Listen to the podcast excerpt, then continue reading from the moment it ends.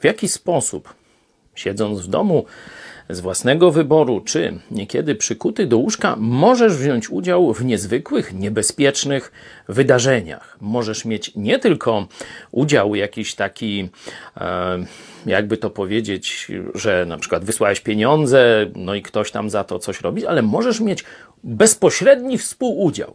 Na to pytanie daje odpowiedź apostoł Paweł w drugim liście do Koryntian, pierwszy rozdział. Najpierw opowiada o wielkich rzeczach, które on robi. O Bogu, który z tak wielkiego niebezpieczeństwa śmierci nas wyrwał i wyrwie. W nim też nadzieję pokładamy, że i nadal wyrywać będzie. I tu werset, na który chciałem zwrócić Twoją uwagę. Przy Waszym także współdziałaniu przez modlitwę za nas. Zobaczcie, apostoł Paweł, największy misjonarz całego chrześcijaństwa, największy misjonarz wszechświata, dokonujący wielkich rzeczy, wielkich niebezpieczeństwach, mówi do tych chrześcijan, którzy się za niego modlili: Wy macie w tym wszystkim współudział.